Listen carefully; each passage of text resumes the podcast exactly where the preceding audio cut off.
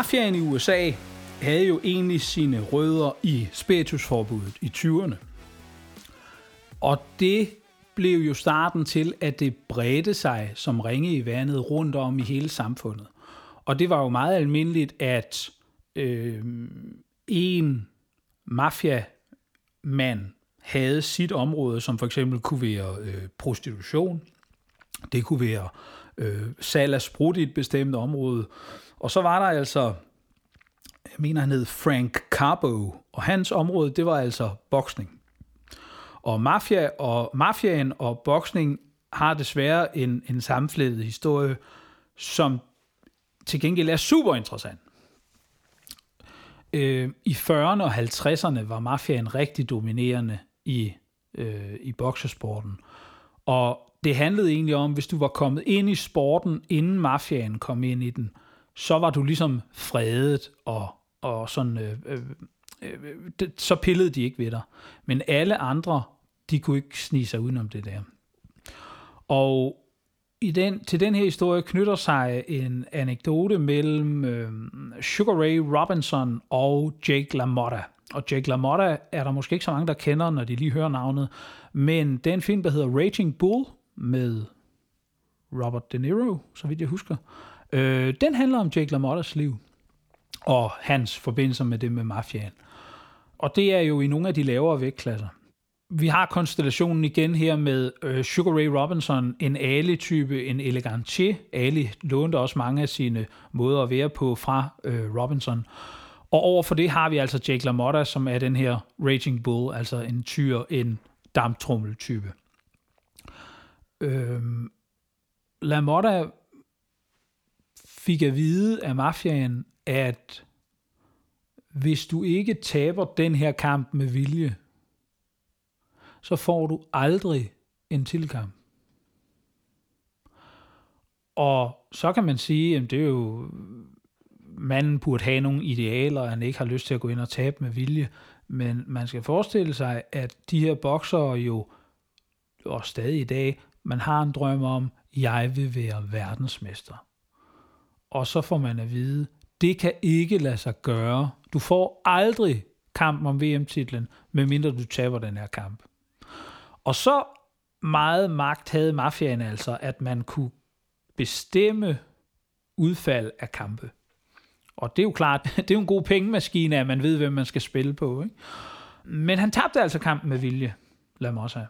Og til publikums store ubehag, altså folk kunne godt se, at det var noget galt. Han lagde ikke skjul på, at, at, at der var noget galt, men han sagde jo ikke noget. Han, han, han lavede bare ikke skjul på, at det var sådan, det foregik.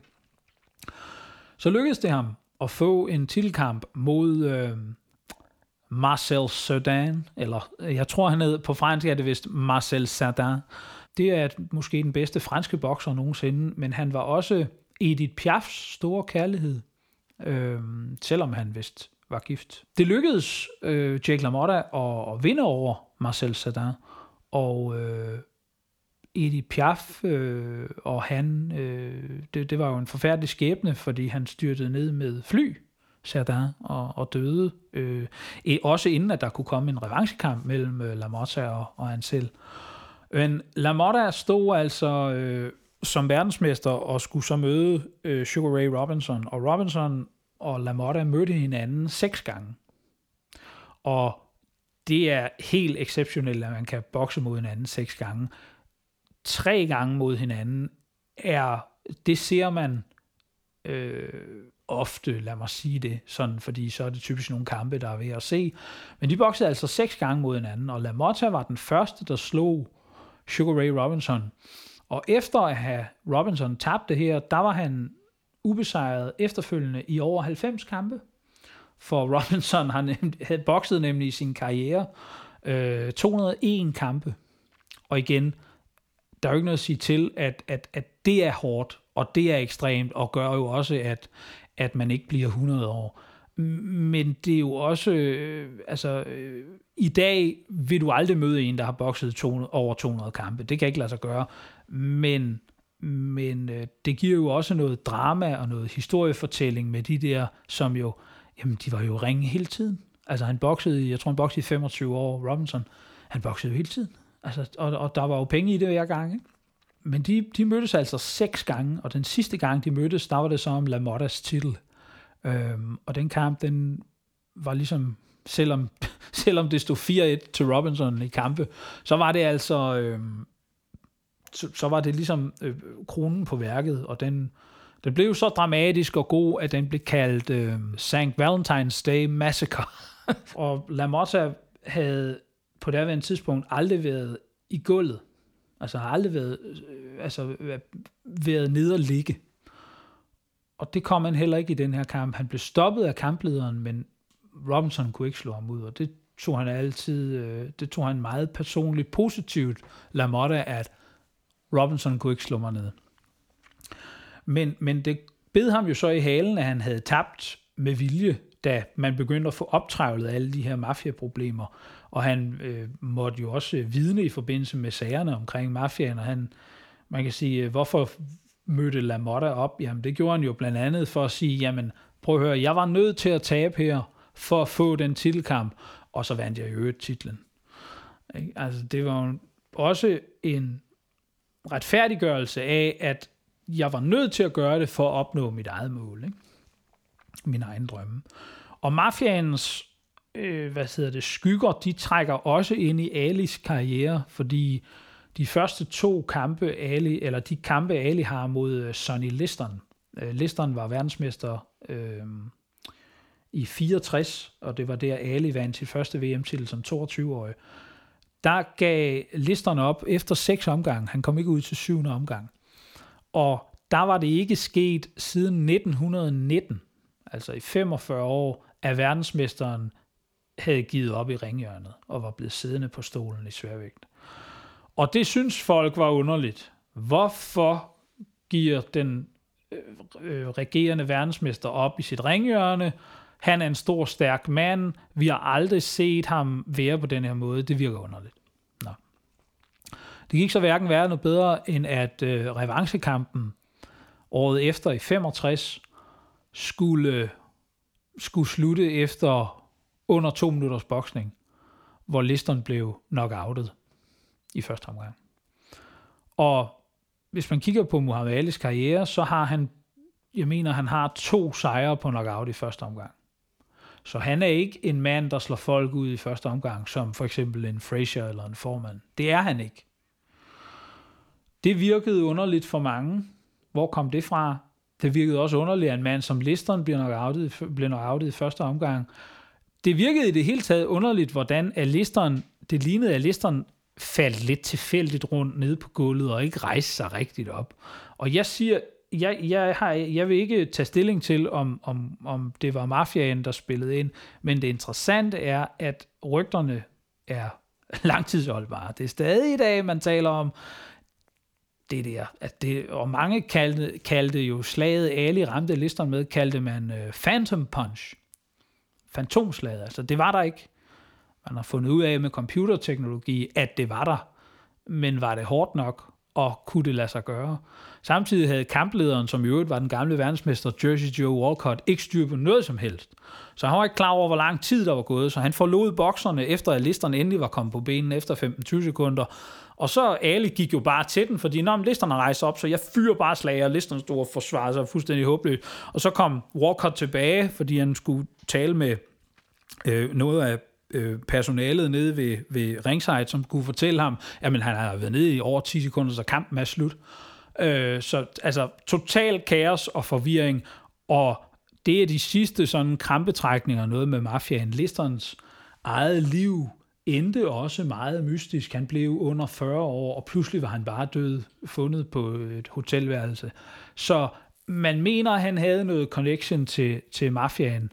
Øhm, men 60'erne var jo et, et opgørets for mafiaen, efter Kennedy blev valgt. Altså, det kunne jo potentielt have ødelagt boksningens øh, troværdighed, og gjorde det jo også på sin vis. Eksplosionen i en boksekamp er jo, nu ringer klokken, nu sker det. Det sker lige foran mig, og hvornår er det slut? Det er eksplosionen af intensitet, der gør alle øjne og al interesse, den gør det her. Boksning er jo en brutal sport. Det er to mænd, der tæsker løs på hinanden. Og nu siger jeg mænd, der er selvfølgelig også kvindeboksning osv. Men det er to mænd, der tæsker løs på hinanden. Det, det er brutalt. Det kan man ikke komme udenom. Men i det brutale findes der af og til noget smukt. Der er noget rytme, noget drama, noget intensitet, noget hvem vil det her mest. Det ligger i boksningen som drama. Og der er nok knockouten jo en bræt afslutning og en, en, en hurtig afslutning på, nu er det slut. I en af mine bøger kalder jeg boksning for brutal elegance, fordi der findes mange former for kampsport, men boksning har et eller andet elegant over sig. Alle boksere har en rytme, og det vil sige, at de laver ufattelig mange bevægelser, som man ikke tænker over, og som, mm, når man sidder og ser det, så jamen, det skal han jo gøre, han skal jo bevæge sig lidt, men der er rytme i benene, der er rytme i overkroppen, der er rytme i, hvordan slagene falder. Det hele er, om jeg så må sige, en dans. Og det er jo det, der gør, at du nogle gange kan tæske nogen elegant. Fordi hvis din rytme den bare kører, og man sidder og siger, nej, hvor er han god, så er det jo fordi, at du tager dine basale færdigheder og løfter dem til et niveau, hvor folk får lyst til at sidde og klappe af det, du laver. Og der har man jo så af og til to, der vil tingene lige meget. Og når det sker, så er det, at vi får de her gigantkampe historisk. Uh, Ali Frazier er eksempel på det, både deres første kamp, Fight of the Century, og deres uh, tredje kamp, Thriller in Manila. Vi har uh, Ali Foreman som en vigtig kamp. Vi har Evander Holyfield mod Riddick Bowe, hvor der sker ting, hvor man tænker, jamen, de vil det begge to lige meget. Og, og det rammer en på forskellige tidspunkter, og siger, altså, hvem vinder egentlig det her? Hvor, hvor er vi på vej hen? Man kan have nogen, som er dødelige uvenner, og som tæsker løs på hinanden i 12 omgange.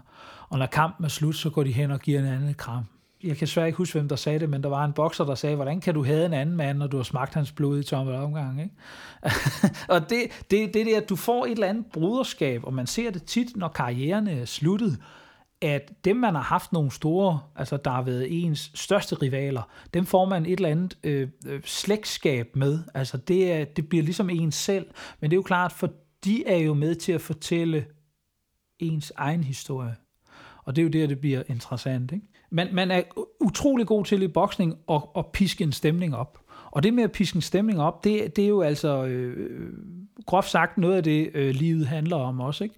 Det handler jo altså om at gøre det spændende og interessant, det vi skal foretage os. Og, og det er der mange måder at gøre det på, og nogle er bedre til det end andre, men jeg synes, boksningen har det det element af, det er en event det her, og jeg er glad for at være til stede. Og så skal man huske på, når klokken ringer, og første omgang går i gang, så er det ligegyldigt, hvad du mener, og det er ligegyldigt, hvad jeg mener, og det er ligegyldigt, hvad alle mennesker i hele verden mener, for det handler om, hvad der sker med de to mennesker, der står inde i ringen. Og det er meget sjældent i den verden, vi har i dag, at to mennesker skal afgøre et eller andet, og der er ingen andre, der kan påvirke det. Det synes jeg er meget interessant. Men knockouten er jo den voldsomme afslutning i en boksekamp. Det er en lille jernrystelse, der sker. Men det er jo også der, for at vende tilbage til, til George Foreman mod Michael Moore, det er jo også der, hvor dramaet når sit højdepunkt. Prøv lige at se, hvad der skete her. Der, nu! Ikke? Og så starter, så starter øh, kamplederen. 1, 2, 3, og øjnene er stadig fuldstændig uklare. Ikke? 4, 5, og armene begynder at bevæge sig lidt, og overkroppen kæmper med at komme op, og bokseren kommer rundt og ligger måske på knæene. Ikke? 6, 7, 8. Og det ene ben kommer op. Han har måske det ene ben oppe, og det andet og knæet nede. Ikke? Og vælter så i stedet for ud igennem tårne. Ikke? 9, 10, knockout. Det hele er overstået. Så det er både det, når den sker knockouten, og du så har muligheden for at se, okay, hvad sker der? For nogle gange, når en bokser bliver slået ned, så kommer nok outen jo ikke, for vedkommende kommer op. Og du kan jo også, det er jo et andet element i boksningen, det er det med at rejse sig, når du virkelig er i problemer. At blive slået i gulvet og komme tilbage og vinde, er jo helt exceptionelt. Og det er jo livet i miniformat på, på meget, meget, ja, altså tre minutter er en omgang, ikke? men det er jo på få sekunder, det er dig, vi er afhængige af. Du, kun du kan løse tingene.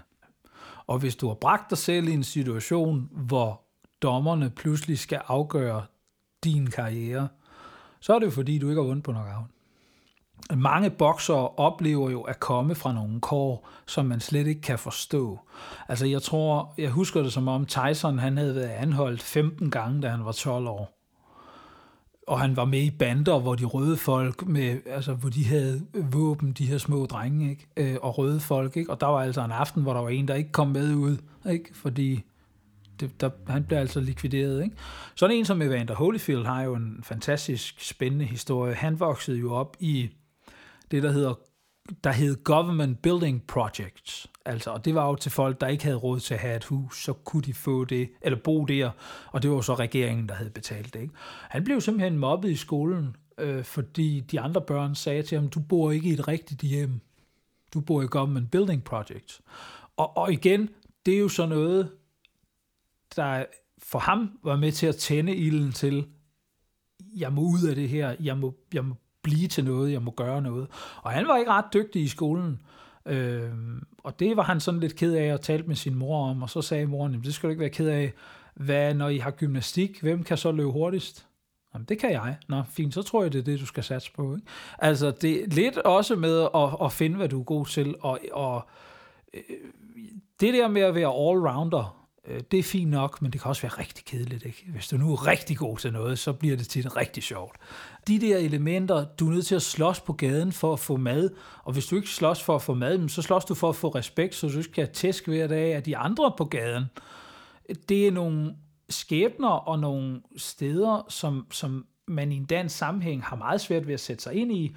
Det er jo sådan min lille, min lille grove øh, karakterisering af dansk boksning, kan vide, om, om vi har det for godt, til at, at vi overhovedet kan afle nogle gode boksere. Og der skynder jeg mig jo selvfølgelig at sige, at der har været en masse gode danske boksere. Men det er jo pudsigt, at der er så mange gode amerikanere, og der er så mange gode øh, meksikanere.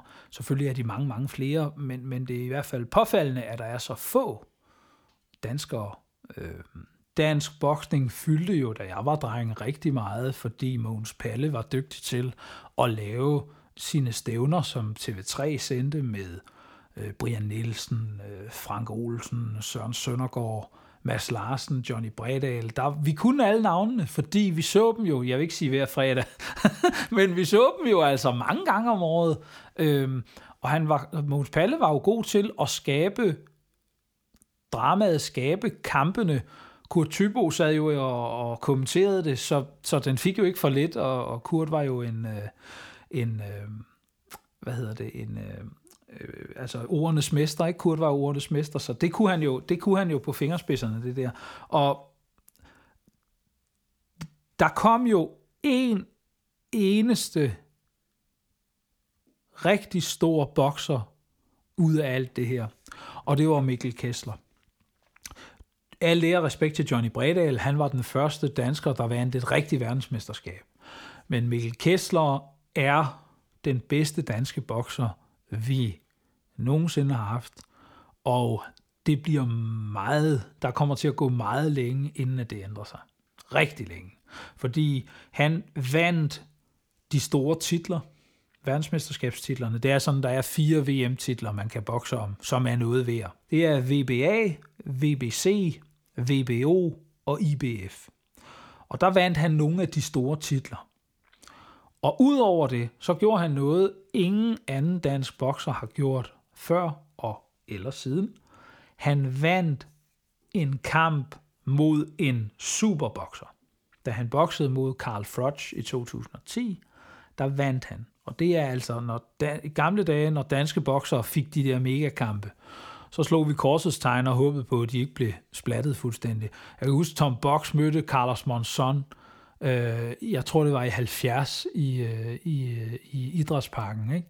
Øh, eller København, men i hvert fald i København, de boksede.